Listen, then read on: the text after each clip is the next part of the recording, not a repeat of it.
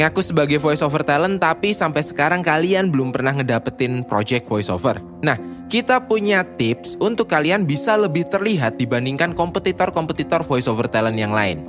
Tips itu adalah personal branding. Tips pertama, cari tahu kekuatan dan posisimu di dalam industri voiceover. Apa sih niche yang kamu tuju? Siapa aja target klien yang paling ideal buat kamu? Kedua, temuin platform yang pas buat bakatmu. Yang ketiga, cari tahu siapa influencer yang pas dan layak ditiru. Yang keempat, buat konten yang relevan dan kekinian. Tapi jangan lupa juga konsistensinya. Selalu ingat deh, mantra 3C buat branding di sosial media. Konsisten, konten, and current. 5. Kalau udah bikin konten, jangan lupa lihat datanya. Evaluasi yang kurang lanjutin yang oke, dan buang jauh-jauh yang gak sesuai harapan. Ingat ya teman-teman, always remember, you deserve better.